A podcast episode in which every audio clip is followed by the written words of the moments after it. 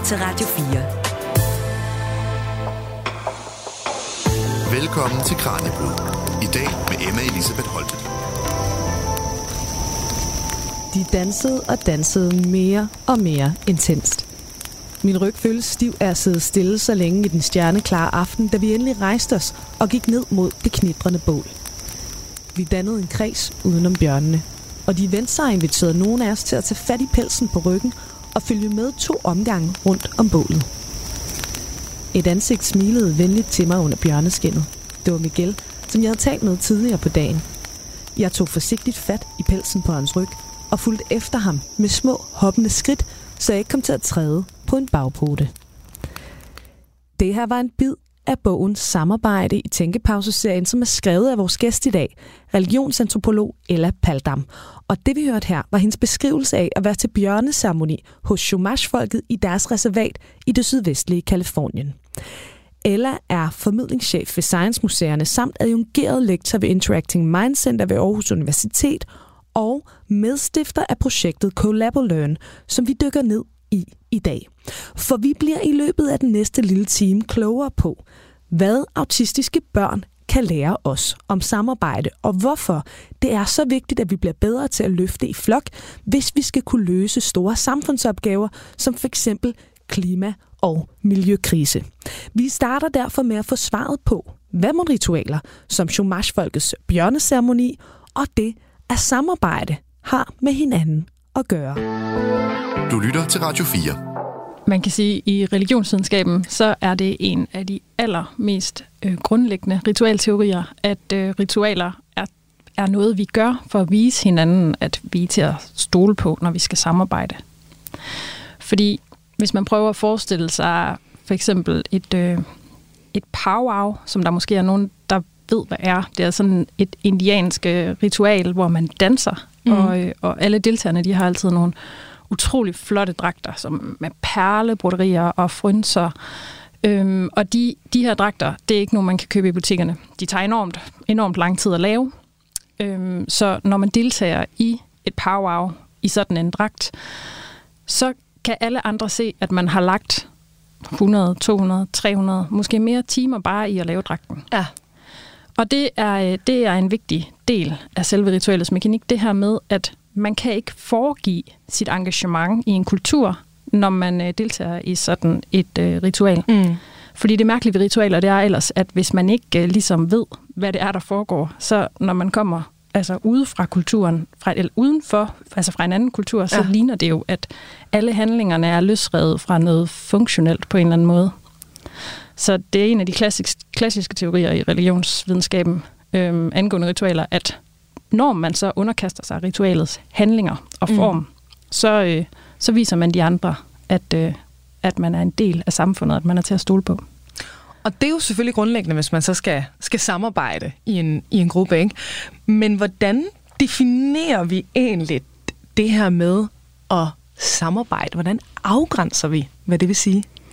Jamen, det er jo et, øh, et rigtig godt spørgsmål, og også noget, som, som for os mennesker måske øh, er særligt svært, fordi at vi, vi samarbejder jo om det meste af det, vi gør i vores hverdag. Man kan sige, det er jo vores niche, at vi er utrolig gode til at samarbejde mm. om, at, om at udnytte de ressourcer, som er i vores øh, omgivelser. Og det er også noget af det, der gør, at vi har øh, så stabile øh, føde subsistensgrundlag, som vi har, øh, som, som gør, at vores, vores grupper kan mm. vokse sig meget store og, øh, og udvikle meget komplicerede teknologier. Øhm, for eksempel så har vi jo lige nu Andreas Mogensen i rummet. Ja.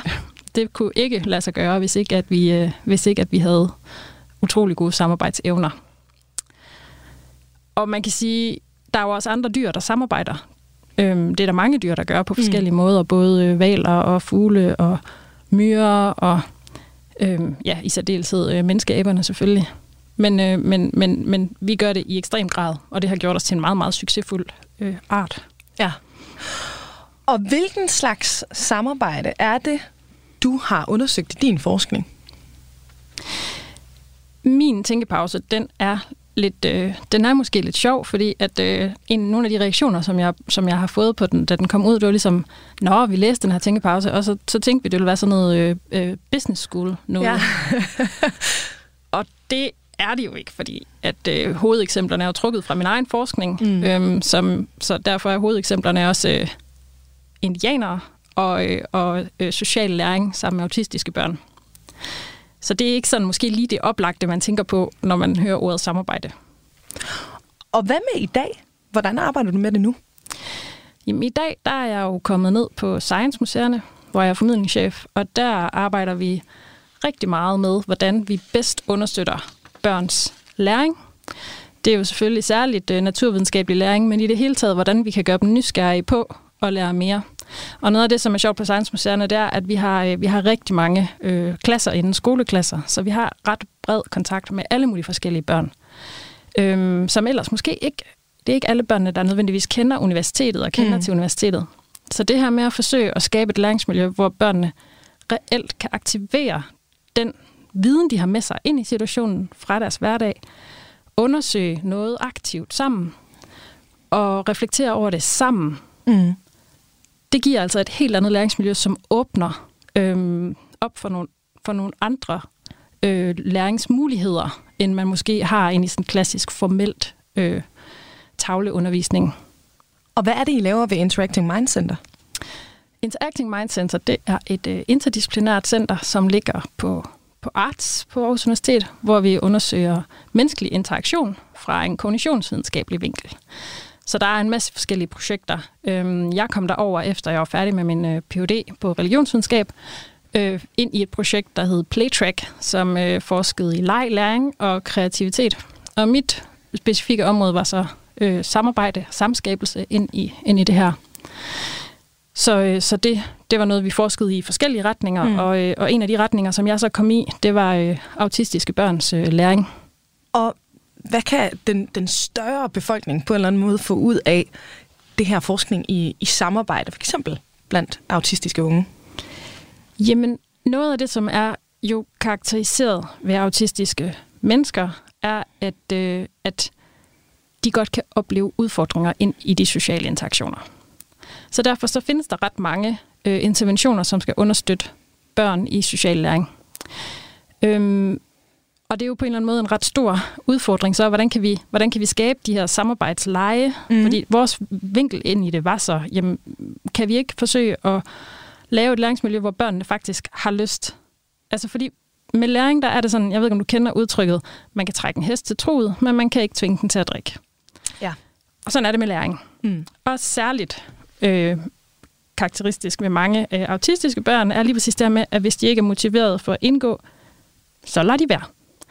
Og, og derfor så blev vi jo nødt til at skabe et læringsmiljø, som var motiverende og engagerende for dem øh, at være i. Mm. Og det tror jeg faktisk, nu er det selvfølgelig sat på spidsen i forhold til lige præcis den her gruppe af børn, men generelt set med læring, så er det jo sådan, at hvis man ikke har lyst til at lære noget, så bliver det rigtig svært. Og det er også noget af det, som jeg for eksempel bruger nu øh, på museerne, fordi man kan sige, at museet er på en eller anden måde det ultimative læringsudfordring, ikke? fordi folk de kommer der frivilligt, og de har måske alle mulige andre ting i hovedet. Så det er kun i det øjeblik, vi lykkes med at gøre dem interesserede ja. og nysgerrige, at de går ind i læringsoplevelsen. Og du skriver, at vi bliver nødt til at blive bedre til at samarbejde og løse problemer, hvis vi ligesom skal løfte de store opgaver, vi står overfor som samfund, altså klimakrise for eksempel, og andre jo altså enormt store opgaver, vi skal stå og, og takle, øh, både vores generation og også de kommende. Du bruger her et øh, eksempel, der hedder tragedien på fælleden. Vil du ikke lige forklare lytterne, hvad, hvad det her billede er for noget, og, og hvad vi kan lære af det? Jo, jo, det er jo øh, det er et meget klassisk øh, eksempel, øh, som egentlig kommer fra økonomien, og, og så er blevet taget op igen i forbindelse med økologien. Øhm, det her med, at øh, hvis vi nu forestiller os, at vi har øh, en fællede, altså en stor eng med græs på, som vi er fælles om, og vi har nogle forskellige øh, kvæghyrder, som bor i nærheden af den her fældet, så vil hver enkelt kvæghyrde jo have sin flok, som ligesom er levebrød for kvæghyrden. Hvis vi så går ud fra sådan en klassisk økonomisk teori om, at en hver, et hvert menneske er en rationel aktør, mm. så vil den enkelte hyrde tænke, hmm, hvis jeg sætter en til ko ud på fælleden, så er det jo gevinst for mig. Ja. Det er min ko. Det er mig, der får mere mælk, og mig, der får mere kød. men den risiko, som ligger forbundet med det, nemlig overgræsningen, mm. som kan ske på sådan en fælde, den, den, det potentielle tab, det bærer jeg jo sammen med alle de andre kvæghyrder også. Mm. Så derfor så bliver det et regnestykke, hvor man ligesom skal dele, han skal ligesom dele sin egen gevinst med alle de andre, med, med, det risiko, altså med den risiko, der er mm. ved, ved tab for alle de, som han deler med de andre. Så ja. derfor så, hvis man var rationel tænkende, så vil man altid sætte en til ko ind, indtil der var overgræsning af den fælles ressource, og fælleden vil blive ødelagt. Ja. Og det er jo en tragedie i klassisk yes. Øh, forstand, som, som man kan sige, vores øh, rationelle disposition uværligt vil føre os ind i. Mm. Men der er noget lys for enden af tunnelen, eller hvad? Altså, fordi det lyder jo som om, jamen, så vil vi aldrig løse nogle af de kriser, vi står overfor, hvis det er sådan, vi tænker. Ja, og det er jo lige præcis også øh, der, hvor jeg synes, at det her med ritualer bliver så interessant ind i den her problemstilling. Fordi når man så kigger rundt omkring i verdens kultur, så er det sådan, at overalt har mennesker fundet systemer til at fordele de her ressourcer imellem sig. Mm. Og de er dybt indlejret i vores traditioner. Og ritualerne er noget af det, der er med til at bære vores traditioner. Så man kan egentlig se traditioner, som, hvis man bliver lidt øh, skarp på den, øh, som, som ressourcehåndteringssystemer, ja. som bliver nedarvet gennem mundtlig og kropsligt overleveret øh, praksis. Og det, det der er nogle rigtig spændende eksempler på øh, rundt omkring øh, i verden. Øh, ja. Hvad, hvad kunne et eksempel på det være? Øhm, jamen, øh, for eksempel så har vi jo bjørneceremonien, ja. øhm, men det er måske en lidt abstrakt øh, fælles ressource, fordi den handler i virkeligheden, den fælles ressource, som de organiserer, det er, øh, det er deres indfødte øh, tradition, som de siden øh, 1960'erne har været i gang med at revitalisere. Fordi efter koloniseringen af Kalifornien, da, da spanierne kom op ned sydfra og overtog området øh, i slutningen af 1700-tallet, der i løbet af 40-50 år døde op imod 90 procent af den indfødte befolkning. Mm. Fordi de, øh, de blev missioneret, og de blev undertrykt. Så det var en øh, meget, meget øhm, voldsom historie for de her indfødte folk. Så ja. det betød, at deres kultur næsten smuldrede væk. Ja. Men siden 60'erne er de så øh, været i gang med at revitalisere. Problemet er, at de har ikke ret mange kilder til den indfødte tradition, mm. fordi at øh, franciskanske munke, som var i missionen, de var meget optaget af at, at dokumentere, hvem de døbte og hvem der blev født, og så de ligesom havde styr på deres nye borgere i, i det spanske, under den spanske krone, som jo var det de, der var deres mission. Øh, men de var ikke særlig interesserede i at dokumentere deres afgudstyrkeri, som det jo var i deres øjne. Mm. Øhm, så det, man gik i gang med at gøre, det var så at rekonstruere ud fra de ritualbeskrivelser, der trods alt var, og så at, at forsøge at gå dybt ned i den i den lokale, naturlige, naturlige omgivelser, de naturlige ressourcer, som er i deres område, og rekonstruere ud derfra. Det, der så skete, og nu bliver det sådan lidt besværligt, men det, der så skete, det var, at øh, de, i de tidlige revitaliseringsår, der var der, øh, så der var en lille bitte gruppe af familier, som hele vejen igennem havde holdt fast i deres missionsindianske identitet og etnicitet. Men langt de fleste af dem, der var nedkom, nedstammer, eller som var efterkommere af, af missionsindianerne, de var assimileret ud i den, øh, i, i den, i den lokale mm. befolkning, hvor der også var en hel masse øh, meksikanske, øh, altså indfødte, efterkommere indfødte folk fra andre områder, men altså ikke de lokale.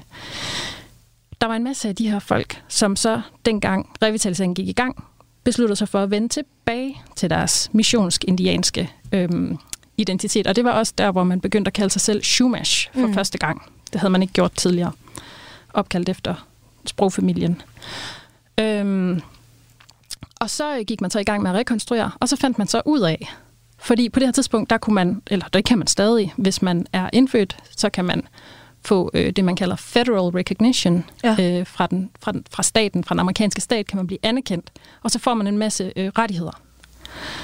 Og det gik de i gang med at søge efter, de her revitaliseringsfolk. Og i den proces, så skal man kunne dokumentere sin genealogi.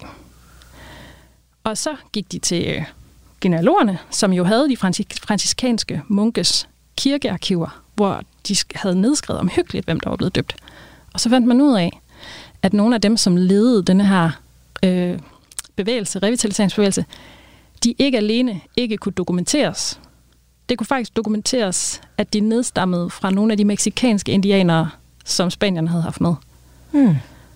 Og det gav med det samme nogle meget, meget store politiske spændinger. Fordi for de missionsindianske, for missionsindianerne, dem der hele vejen igennem havde været, de havde også, altså de er den gruppe, der har været allermest øh, udsat Mm. i USA. Altså virkelig meget diskrimination imod dem. Øhm, og de mistede en masse af de rettigheder, som de så havde fået igen Ja. ved at have den her etnicitet til dem, som ligesom havde været med til at kolonisere dem. Så de følte det jo som en, eller altså, ja, en efterkommende af dem. Ikke? Altså, mm. det er jo Mm. selvfølgelig, man skal jo skille tingene ad. Ikke? Men, øhm, men, det, men det har givet nogle ret voldsomme konflikter øh, imellem de her øh, folk, om hvem der skal have lov til at bestemme, hvad kulturen er. Ja. Og kan man definere kultur? Er det primært gennem de ting, man gør? Fordi nogle af de her folk, de udokumenterede eller de ikke dokumenterede, de lever en indiansk identitet hver eneste dag i alt, hvad de gør. Hvorimod nogle af missionsindianerne, jamen de er jo katolikker. Og det har de jo været i generationer, fordi de, de er jo missionsindianere. Ja. Øhm, så, så der er sådan nogle... Hvem er egentlig så mest autentisk, sådan rent kulturelt? Mm. Og det, det er et enormt, altså virkelig, virkelig spændende øh, felt, fordi det, det, det sætter tingene rigtig meget på spidsen. Ja. Men det er de også meget uenige om, øh, med god grund. Og det, som så alligevel er så sjovt, det er, at de i den her bjørneceremoni, der mødes de. Okay. Så de skændes på alle andre, eller ikke skændes, men de er, Mm. altså skændes, det lyder dumt, eller det lyder sådan lidt, øh, de er dybt øh, politisk uenige i rigtig mange ting. Ja. Øhm, men lige præcis i bjørneceremonien, der mødes de, fordi der har de en fælles interesse. Og det er at gøre den indfødte tradition så stærk som overhovedet muligt. Ja. Også selvom man er uenig om den. Altså, at det er ligesom nøglen, kan den findes her i bjørneceremonien for eksempel også for, for alle os andre på en eller anden måde i forhold til, hvordan vi undgår tragedien på fælden? Ja, og den er faktisk, øh, det er faktisk ret sjovt, fordi noget af det, som er med fælles ressourcer, det er, at fælles ressourcer, der er mange forskellige slags fælles Mm. mm. ressourcer. Så græsset på fælleden, det, øh, det er noget, der er udtømmeligt. Men andre ressourcer, som for eksempel viden, den er jo uudtømmelig. Faktisk Ja. så er det sådan, at jo mere vi bruger vores viden, jo mere får vi af den. Ja. Så og man kan sige, at den indfødte tradition hos Schumacher, den står og skifter et sted imellem, at den er udtømmelig, fordi så snart den ene har bestemt, at noget skal være på den måde, så er det jo bestemt. Så der er de, når de står over for hinanden og skal beslutte, så er de uenige. Men når det handler om den omgivende verden, så er den uudtømmelig. Mm. Fordi jo mere vi praktiserer den indfødte tradition, og egentlig i virkeligheden, at den kan rumme vores uenighed, jo stærkere er den. Ja. Så den står sådan og skifter imellem at være en, en udtømmelig og en uudtømmelig fælles ressource. Du lytter til Radio 4. Eller om lidt, der øh, skal vi dykke ned i, hvad I har erfaret i Collaborate-projektet. Men inden da, nu taler vi jo om, om ritualet, og vi skal altså lige om lidt tale om, hvad vi kan lære af de her autistiske børn, som I altså arbejdet med i, i projektet. Men hvordan hænger læring, leg og samarbejde egentlig sammen? Altså jeg ved godt, det er et stort spørgsmål, men de her tre enheder, hvad er det, de kan sammen? Jamen altså man kan sige, at samarbejde er jo en grundlæggende øh, social ting. Og, øh, og fra mit perspektiv, der er læring også en grundlæggende social ting. Det er selvfølgelig øh, primært, når vi taler om social læring, mm. men faktisk i det hele taget det her med, at man ser læring som noget, der foregår i grupper, hvor man spejler sig op af hinanden. Det er noget, som gør læringen stærkere og dybere. Øhm, og sådan helt konkret kan man sige fra, fra ritualer Mm. over i samarbejde, så kan man sige, at det der med at koordinere sine handlinger øh, sammen med hinanden, øh, det er jo også noget, vi gør altså, altså i leg. Det er noget, Ja. børn gør, når de leger, og, og voksne i det hele taget også. Så, så på den måde, så, selvom det måske lyder som lidt et stort hop fra ritual forskning blandt kaliforniske indianere Mm. over til social læring med autistiske børn, så, øh, så er der alligevel øh, en del overlap, særligt øh, metodisk og konceptuelt, når Ja. vi skal, når vi skal ligesom, øh, operationalisere de her svære øh, kulturelle begreber. Og øhm, nu skal vi jo altså lige om lidt dykke ned, som sagt, i, øh, i Collaboløn-projektet. Og øh, øh, uden at afsløre for meget, der øh, er samskabelse jo et nøgleord. Det her begreb, samskabelse, det er noget, vi sådan hører. Det er blevet lidt et bossord også. Hvad betyder det egentlig? Ja, det er et rigtig godt spørgsmål, fordi at, øh, det er jo et begreb, som, øh, som lige pludselig kom ind i vores sprog, og så øh, var det overalt. Mm. Øhm, og, og jeg tror, der var, det blev ligesom skrevet ind i politikker rundt omkring, og i organisationens strategier, at nu skulle vi gøre det mere og mere, uden at man nødvendigvis lige var helt klar over, hvad det mm. egentlig var. Øhm, og altså fra mit perspektiv, der er det jo en form for samarbejde. Og hvis vi helt sådan konkret skal kigge på, hvor det kommer fra, jamen så har det sådan et dobbelt begrebsophav fra den, fra, fra den engelske forskningslitteratur. Dels begrebet co-production, som kommer lige præcis fra øhm, forskningen i, i institutioner og offentlig forvaltning, mm. øhm, og, og som lige præcis, hvor hele den her tanke om øh, the, øh, fællens tragedie, og, øh, og hvordan vi organiserer vores fælles ressourcer, mm. så de bliver bæredygtige, ikke kun klimamæssigt, men også øh, i forhold til sig selv, så det er processer, som ikke dør. Ja. Lige der, der, øh, der, der kommer det her co-production fra. Men så er der også et andet begreb, som er co-creation, som kommer mere over fra sådan en um, user-led innovation, øh, kreativitetstankegang, øh, hvor det handler om, at man, øh, at man bygger ting sammen hurtigt, mm. laver prototyper og, øh, og tester dem og bygger dem igen, og hele tiden tester, jamen, hvordan, hvordan min nye innovative idé, hvordan lander den egentlig ved dem, der skal bruge den. Mm. Det er også her, hvor, hvor det, som vi kalder design-tænkning, øh, kommer fra. Og, øh, og det, måske er der nogen, der kender det, men, men det er altså dybest set det her med, at man begynder at tænke andre processer, lidt mere ligesom designprocesser, det her med, at man bygger en prototype, og så tester man den. Mm. Og så finder man ud af, hvad fejlen er, og så har man en, en, en fase, hvor man får nye idéer, og så lukker man fasen ind igen og lander ja. på en ny prototype. Så altså der, da du sagde, at folk de havde en forventning om, at din bog om samarbejde, det ville handle om sådan noget businessagtigt noget. Det er jo tit sådan noget, man hører, ikke? Altså de her loops, hvor øh, så sidder folk og idéudvikler og bygger en prototype og starter forfra. Altså det er, det er også samskabelse så. Præcis, ja. ja. Det er det. Ja. Og hermed, der skal vi altså øh, videre, fordi nu øh, er det blevet tid til netop at se på, hvad autistiske børn de kan lære os om samarbejde. Du lytter til Kranjebrud på Radio 4.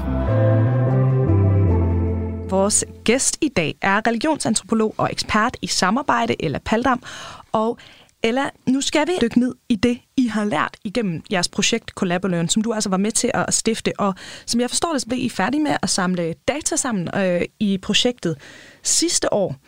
Så lad os begynde med, hvad var Collabolearns formål til en begyndelse? Jamen altså hovedformålet, det var at skabe øh, sociale læringsmiljøer sammen med autistiske børn, for at give dem mulighed for at tilegne sig øh, sociale kompetencer, som kunne gøre, at de på den lange bane bedre kunne blive integreret øh, ind i konstruktive fællesskaber i vores samfund. Og noget af det, som, var, som, som, vi, som, som vi virkelig ville fra starten her, det var, at vi ville, øh, vi ville tage udgangspunkt i hver enkelt barns øh, øh, unikke, personlige socialitet, som mm. de har i forvejen. Øhm, og det er noget, som, som man i de senere årtier er blevet mere og mere opmærksom på øh, i forhold til autistiske mennesker, fordi tidligere der har man måske haft sådan lidt en implicit antagelse om, at autistiske mennesker er, faktisk ikke er sociale. Mm. Øhm, og det er ikke, det er ikke, det, det, og, det, og det er jo bare ikke rigtigt, vel? Nej. De er akkurat lige så øh, sociale som alle andre mennesker. De har bare formodentlig en lidt anden måde at behandle information på i en social interaktion, som gør, at deres handlinger bliver anderledes. Så hvordan greb I den opgave an? Det lyder jo ikke lige frem som en, en nem ting at prøve at gøre det her. Nej, vi prøvede jo så på at skabe de her motiverende læringsmiljøer, hvor børnene havde lyst til at være med. Så, så øh, designede vi nogle forskellige lege, øhm, som, øhm, som gjorde børnene gensidigt afhængige ind i lejen. Øhm, vi startede bare med en enkelt leg, og øh, når vi så noget af det, som også er tanken i det her, det er, at børnene skal have lov til at kunne gentage den samme leg, for at man kan gentage de samme sociale dynamikker, så man lige så langsomt kan opbygge sin egen øh, sociale strategi ind mm. i den. Men vi fandt ret hurtigt ud af, at børnene de, de faktisk ret hurtigt mistede interessen for at blive ved med at lege den samme leg. Ja. Så vi øh, udviklede øh, seks øh, forskellige lege, som alle sammen var konstruktionsleje. For eksempel bygge et tårn, eller bygge broer, øh, bygge en kuglebane. Øhm, og så, så udviklede vi så alle de her lege på sådan en, en, en skala øhm, i forskellige sociale konstellationer. Så der var både lege, som barnet kunne lege alene med en voksen. Så var der lege, så, lejen, den samme leg egentlig også fungerede i parallel leg, hvor man sidder ved siden af hinanden og leger øh, den samme leg i sådan mere regelbaseret spilagtig leg, og så i mere åben samarbejdsleg. Sådan at, fordi noget af det, der er svært med autistiske børn, det er, at deres dagsform varierer enormt meget. Mm. Så selvom man som pædagog måske har en ambition om, i dag skal vi helt op og have den helt åbne samarbejdsleg, når man så kommer ind i lokalet, så finder man ud af, ja nej, det var ikke i dag, vi skulle det. Ja. Og så kan man alligevel gennemføre nogle af de samme aktiviteter, men i en mere, øh, i en, i en, et, altså i en konstellation, som, som de autistiske børn kunne være i. Og hvad med undervisernes plads i den her undersøgelse? Var de også en del af projektet? Ja, det var helt afgørende for os, at, at de blev det. Ja. Øhm, så vi arbejdede øh, først meget tæt sammen med øh, Langerskolen, som er en specialskole i Aarhus, og sidenhen også med, med Højvangsskolen, som er en folkeskole i Aarhus. Øhm, og, øh, og, og de første, den første tid af projektet, der var det os, som faciliterede børnene for, at vi kunne udvikle de her lege. Øhm, men efter noget tid, så, øh, så gik vi så over til at fordi det gik op for os, at jamen, det, det er jo ikke os, der kommer til det her, så vi bliver nødt til at have nogle pædagoger ja. og lærere med indover, fordi ellers så ved vi ikke om det. Ligesom at vi skulle sikre, at det var relevant og interessant for børnene, så skulle vi også sikre, at det var relevant og interessant for, de, for pædagogerne og lærerne. Mm. Så vi inviterede dem ind til at blive medudviklere i projektet, og havde øh, ret store øh, lærerteams, eller pædagog- og lærerteams på begge skoler, som hjalp os med at, øh, at samarbejde om at udvikle de her miljøer. Så vi kom ud med vores prototype til dem, og så sagde vi, det her er det, vi har fundet ud af, som børnene gerne vil. Og så kom de tilbage, og så sagde de, Åh, nu bliver I trætte af os, fordi vi har faktisk gjort noget andet, end det sagde. altså, de, alle de, alt det materiale, havde udviklet, var ikke relevant for os i vores forberedelse.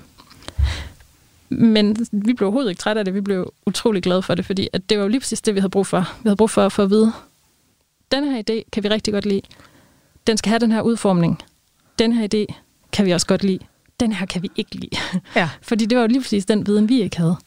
Så på den måde så fik vi faktisk øh, udviklet noget, som, øh, som kunne leve videre efter projektet og sluttede ud på skolerne. Og hvad viste jeres undersøgelser? Så jeg ved godt, at I er ikke fuldstændig færdige med at bearbejde dataen, men, men hvad kan I sige indtil videre af de her forsøg, I har lavet, af det her arbejde med de her unge? Noget af det, vi kan se med børnene, det er, at de øh, bare ved at lege sammen imellem 30 og 90 minutter om ugen i 10 uger, så ser det faktisk ud til, at de øger deres sociale, verbale adfærd. Ja.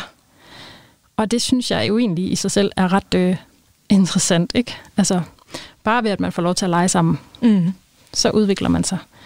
Øhm, og det var jo selvfølgelig noget, vi var enormt glade for. Vi kunne også se, at altså, det passede os fuldstændig med de kvalitative observationer, som vi gjorde os, at børnene trivedes, og børn, der havde svært ved at være i de formelle læringsmiljøer ude i klasserne, de faktisk trivedes enormt godt i at få lov til at få et afbræk, hvor de ligesom selv kunne være med til at bestemme, hvad der skulle ske. Mm. Øhm, ikke at jeg siger, at det kan træde fuldstændig i stedet for de, øh, de konventionelle specialpædagogiske tilgange, men måske som supplement mm. ind i det. Øhm, sådan har vi i hvert fald hele tiden tænkt det. Og så kunne vi også se, at lærerne øhm, og pædagogerne oplevede det som, øh, som positivt at være en del af den her udviklingsproces. Og vi havde også meget, meget bevidst fra starten tænkt det som en faglig kvalificeringsproces for dem, eller udviklingsproces for dem. Så vi inviterede forskere og specialister øh, både fra USA, Harvard og fra, ja, fra øh, vores lokale netværk, mm. ind til at, at reflektere sammen med pædagoger og lærere omkring deres øh, praksis. Og det var de rigtig glade for. Øhm, så det var sådan ligesom at give dem plads til at, at udvikle noget sammen. Og kan vi i resten af samfundet, altså ud over de autistiske børn og deres undervisere og, og dem, der er omkring dem, er der noget, vi andre også kan bruge, kan man sige, fra undersøgelsens resultater? Noget af det, som, som jeg synes i hvert fald er rigtig spændende, og som jeg selv har taget med mig videre, det er den der virkelig store bevidsthed, man får om, hvordan vi sanser verden forskelligt. Ja. Fordi når vi kigger på individniveau, ikke? når mennesker er i verden, så sanser de verden i en kombination af de stimuli, de får i situationen. Altså, hvordan rammer lyset mine øjne? Hvordan føles det på min hud? Hvordan lyder det? Mm. Det er den ene del af sansningen.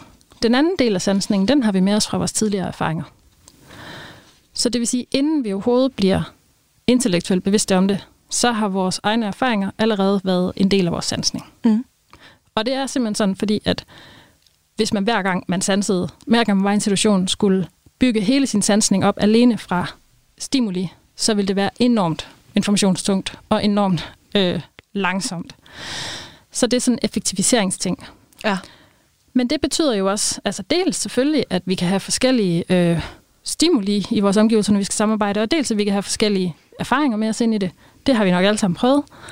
Men en anden ting, som vi også kan, som er forskellige, det er, at noget af det, vi kan, noget af det nyeste forskning i autisme tyder på, at det, der faktisk er forskelligt mellem autistiske mennesker og gennemsnittet, det er, at vægtningen mellem, hvor meget stimuli og erfaringer fylder ind i sansningen, er en lille smule anderledes. Mm.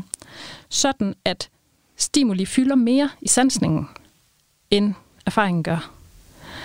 Og det betyder, at når jeg helt konkret står, sidder over for et autistisk barn, så vil deres oplevelse, hele deres sansning af situationen, være anderledes. Det vil være nogle andre informationer, som afgør, hvad de handler på i situationen. Og det var noget, som vi, fordi vi optog alting på video, så kunne vi faktisk se det udspille sig Ja. live foran os. Når vi, vi kunne ikke nå at opfatte det i situationen, men når vi så sad og så videoerne bagefter, så kunne vi se, jamen, okay, der er noget på spil her. Fordi hele tanken var jo, som jeg sagde før, at de skulle have lov til at tage udgangspunkt i deres egen autistiske socialitet, mm. så vi ikke skulle komme ind med vores ikke-autistiske normer og, og, og ligesom forsøge at trække ned over hovedet på dem. Øhm, og det var enormt svært i praksis at gøre, fordi at vi jo alle sammen fanget af vores neurotype, ikke? Altså, mm. dem, dem har vi jo med os.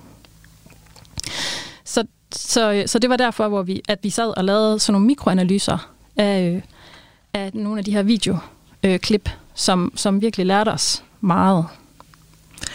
Ja, og vi snakkede om det i vores øh, forinterview, inden vi gik i studiet her. Det er vel netop en af de store sådan, myter, eller i hvert fald øh, de ting, som der er en del autister, der øh, er ude at sige højt, at det vil man gerne have, man arbejder på på en anden måde. Altså det her med, at man tidligere har sagt til autister, I skal opføre jer som resten af samfundet.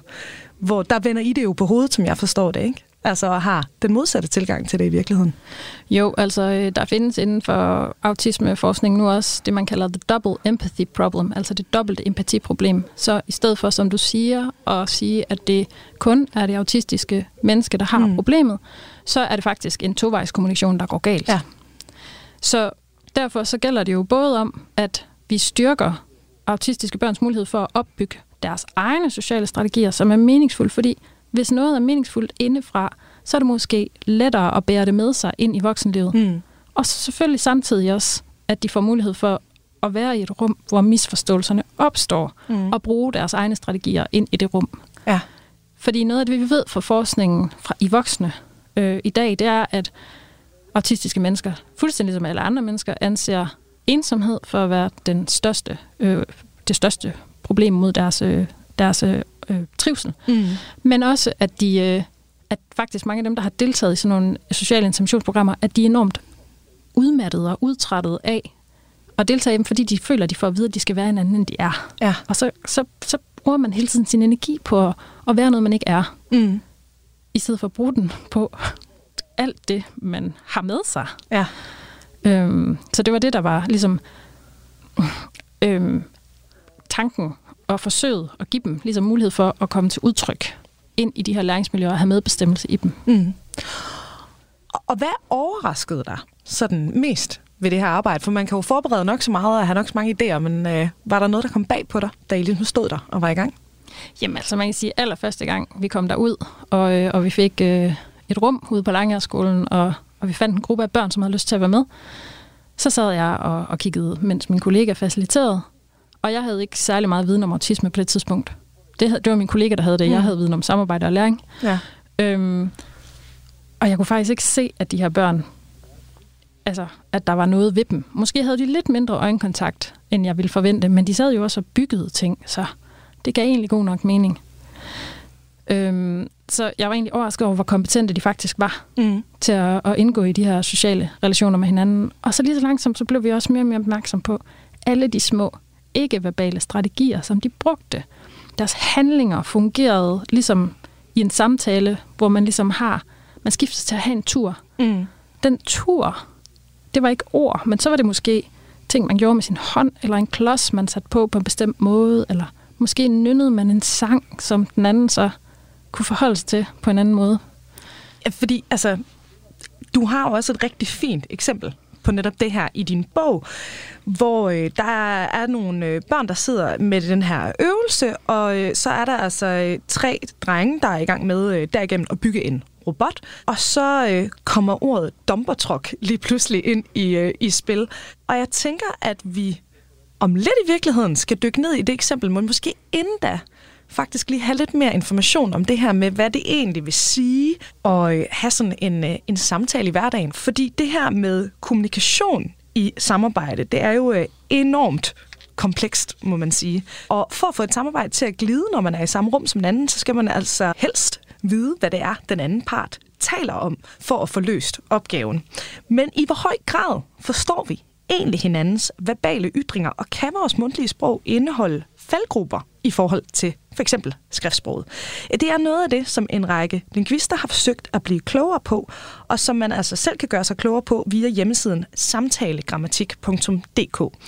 En af bidragyderne er Søren Sandager Sørensen, der er postdoc ved det Sydnorske Universitet i Agder. Han fortæller, at der er et godt stykke vej mellem mundtlig og skriftlig dansk. Du lytter til Radio 4. Der er en del forskel med, mellem tale og skrift, og meget af det har at gøre med nogle af de lyde, der er, som øh, skriftsproget i høj grad ikke reflekterer, fordi talesproget indeholder en masse form for variation. Men det, der også er kendetegnet ved samtaler, er, at de foregår i en bestemt kontekst.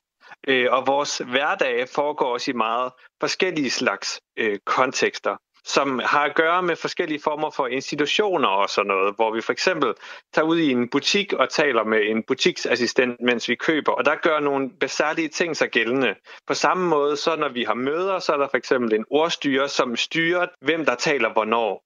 Og på den måde, så er der forskellige former for institutionelle ting, der binder den måde, samtalen fungerer på. Og på den måde, så er der forskel mellem hverdagssamtaler og andet. Men bliver det så mere struktureret, hvis det er skriftligt sprog? Det kan man mene. Altså, man kan jo bruge skrift på rigtig mange måder. Og vi har jo også for eksempel chatsamtaler, der foregår på skrift. Så ja, altså i, hvad skal man sige, velredigerede skriftlige genrer som bøger og sådan noget, så er der måske en særlig form for struktur. Men i samtaler, så er der også rigtig mange former for struktur. De er bare nogle andre former for struktur. Så vi har for eksempel sekvenser, og den måde, at et spørgsmål kalder på et svar, den enhed er en struktur i samtaler. Og det, så kan man også snakke om større enheder, for eksempel historiefortællinger og andre former for større sekvenser, af, øh, der består af flere forskellige spørgsmål, for eksempel, som er med til at strukturere samtalen. Og det er meget anderledes end selvfølgelig den øh, afsnitsopdeling, man kan finde i skriftlige genre og lignende. Men det er struktur, og det er den måde, samtaler er struktureret på. Er der nogle talesprogsfænomener, der er særlig interessante og særlig anderledes end et skriftligt sprog? Ja, vi har en del beskrivelser af forskellige ting inde på samtalegrammatik.dk, og det kan være noget som for eksempel brugen af øge og forskellige funktioner, det kan have, eller brugen af ordet var over for hvad. Jeg synes, at øh, en af de beskrivelser, der er meget interessante, har at gøre med ordet at. Det er meget kendt, at ordet at øh, når det bruges inden et verbum i infinitiv, for eksempel spise eller tale, tit udtales og. Men det, der er interessant, er også det at, der bruges i starten af ledsætninger. Det kan både udtales at, men det sker også rigtig tit, at vi faktisk bare har lyden af. Og det kan så have at gøre med, at den lyd bagefter smelter sammen med, eller gør, at det den der T-lyd, den bliver udladt på en måde. Men øh, i Andrea Bruns undersøgelser, specifikt af samtaler, så viser det sig også, at, at med et tydeligt T-lyd øh, rigtig tit bruges før en pause eller lignende. Og det er specifikt for samtaler i den forstand, at det er med til at markere over for en lytter, at der kommer et eller andet form for pause i det, der skal høres til eller andet.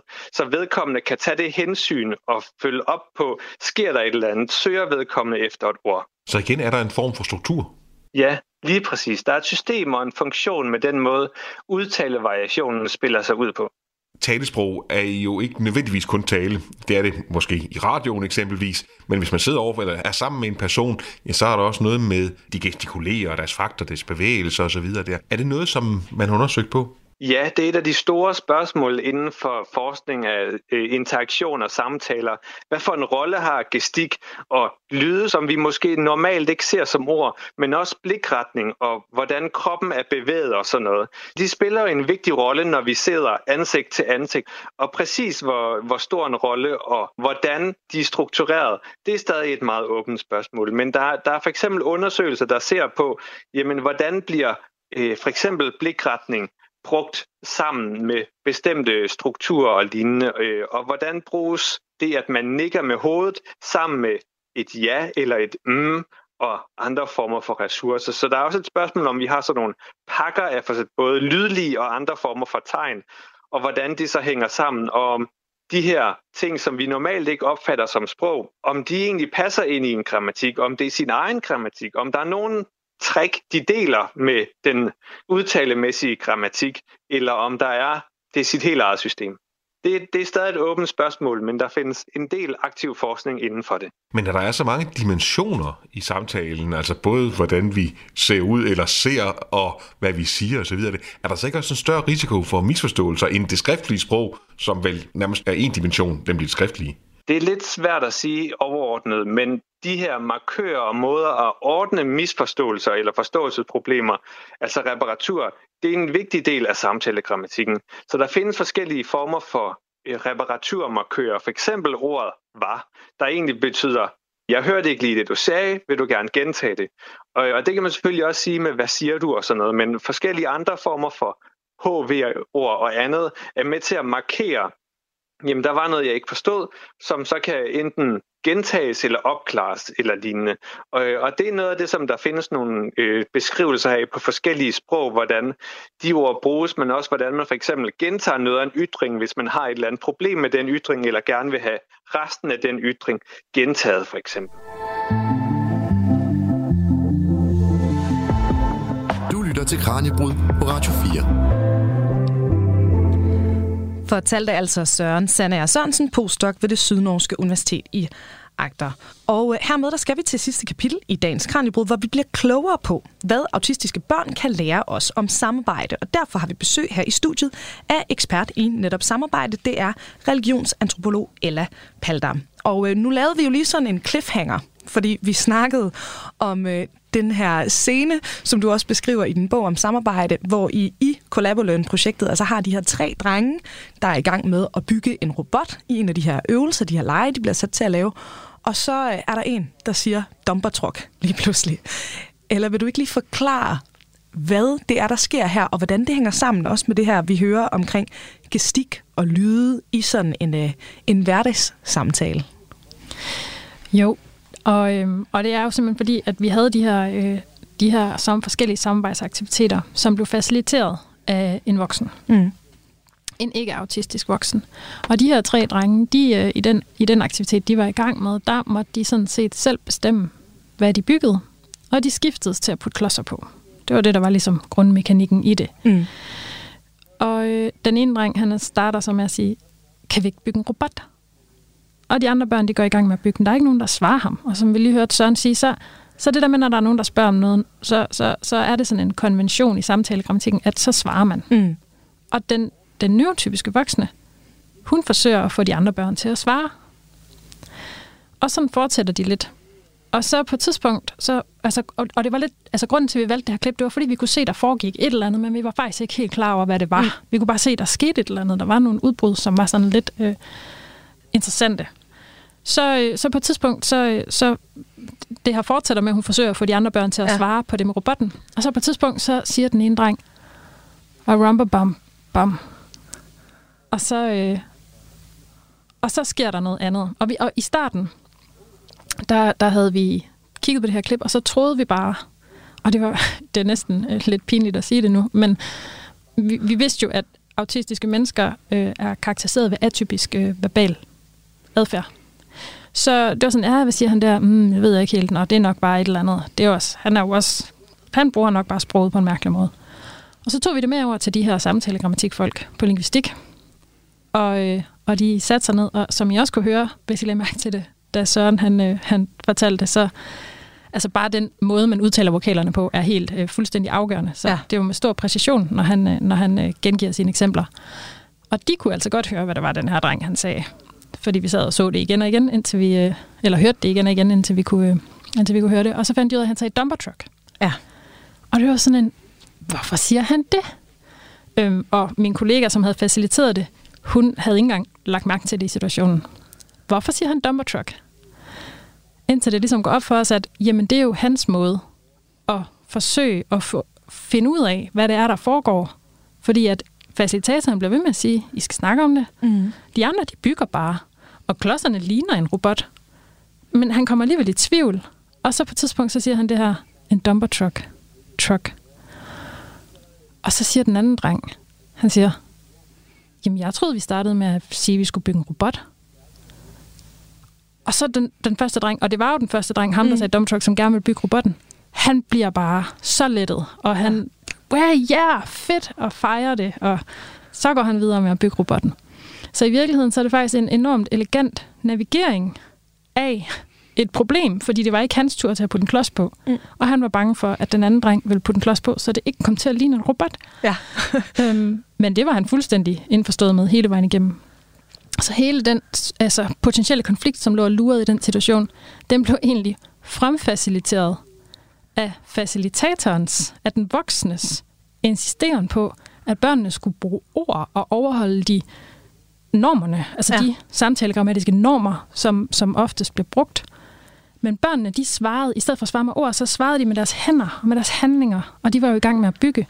Men hun havde så travlt med deres ord, hun ikke engang lagde mærke til, hvad de byggede. Ja. Så der havde vi lige præcis den der clash mellem neurotyper Ja. i, hvordan de sansede situationen, som bare stod helt lysende klart frem for os. Ja. Lige der, der blev der, det kiggede på hinanden, og så sagde vi, nu har vi gjort det, som vi ikke ville gøre. Lige her, der fejler vi eklatant i vores øh, ambition. Så hvad kan vi gøre? Og så var det, vi begyndte i stedet for at, at fokusere så meget på ord, så begyndte vi at bygge. Vi, vi, vi indbyggede sådan nogle øh, refleksionspauser, hvor vi kunne bygge figurer, som repræsenterede de sociale dynamikker, i, som var i situationen mellem børnene, som enten vi kunne bygge, og så kunne de bygge dem om, eller også kunne børnene bygge dem selv. Mm. Og vi kan jo høre her, det er jo enormt komplekst, det her, I sidder og arbejder med i Collabolearn-projektet. Og vi har også været inde på nogle af de ting, vi så kan, kan lære af det.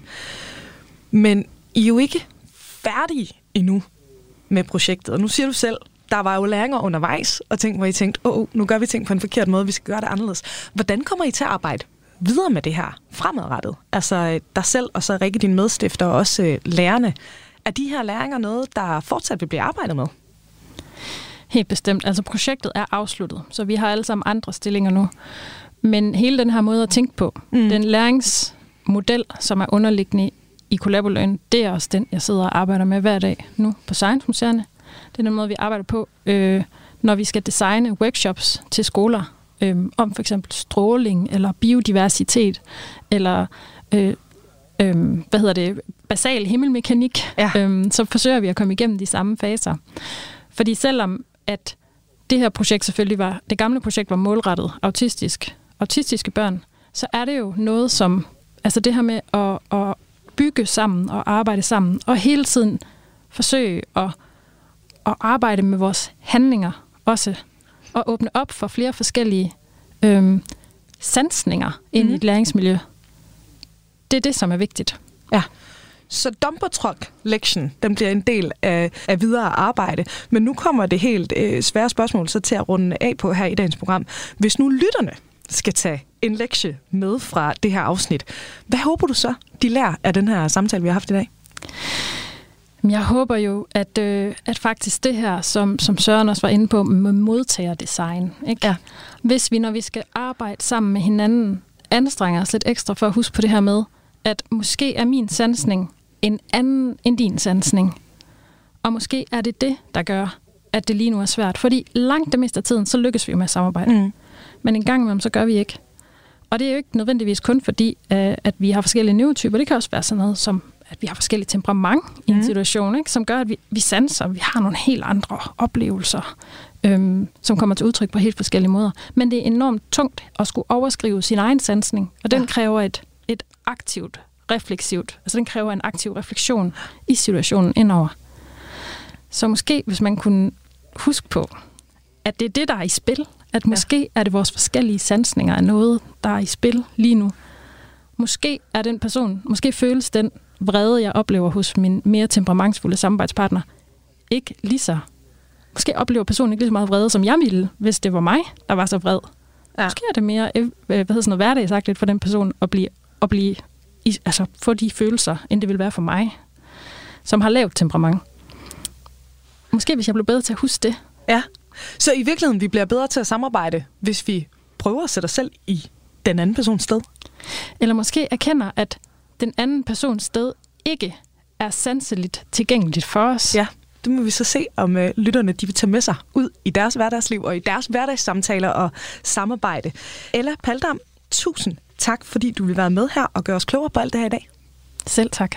Og Ella er altså samskabende religionsantropolog på Aarhus Universitet. Og lyt med igen i morgen kl. 12.10, hvor vi stiller skarp på, hvem sektledere egentlig er. Indtil da på genhør, og tak fordi du lytter med. Mit navn er Emma Elisabeth Holtet, og programmet er som altid produceret af Videnslyd fra Radio 4. Du har fået til job at synge kor for ABBA. Jeg, jeg var ikke simpelthen ikke klar over, hvor sindssygt det egentlig var. Det var jeg jo ikke. Jeg var jo bare ni år og glad i låget. Musik er en hurtig genvej ind bag facaden. Jeg følte jo, at alle de sange var til mig. Ind bag den offentlige person. Jeg kiggede ind i et mørke. Det er jo der, jeg skal hen. Det er jo der, alt trøst er. I Portrætalbum bruger Anders Bøtter musikken til at vise nye sider af sine gæster. Carmen Køllers uh, Axel Byvang, har han en playliste? Jeg ved ikke, om jeg tør sige det. Det er så pinligt. Blandt andet Backstreet Boys. Lyt til Portrætalbum i Radio 4's app, eller der, hvor du lytter til podcast. Radio 4. Hold kæft, mand. Det tror Ulla Taxen ikke, det der. Ikke så forudsigeligt.